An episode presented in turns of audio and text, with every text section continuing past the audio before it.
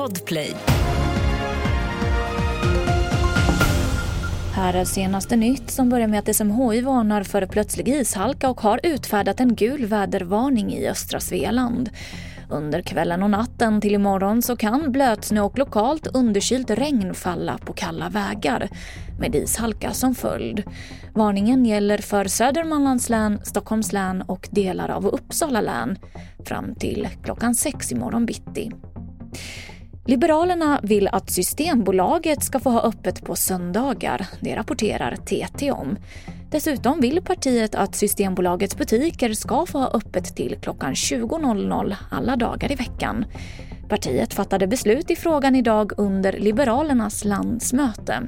Partistyrelsen ville varken säga ja till söndagsöppet eller licensbutiker under reglerade former. Miljöpartiet svänger om NATO-frågan och beslutade idag på kongressen att inte driva frågan om ett utträde ur försvarsalliansen den dag Sverige blir NATO-medlem.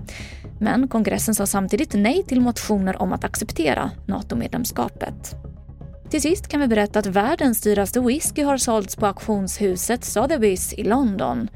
En flaska Macallan från år 1926 har klubbats för 2,2 miljoner pund och det motsvarar ungefär 29 miljoner svenska kronor, rapporterar TT om. Mer nyheter på tv4.se. Jag heter Emily Olsson.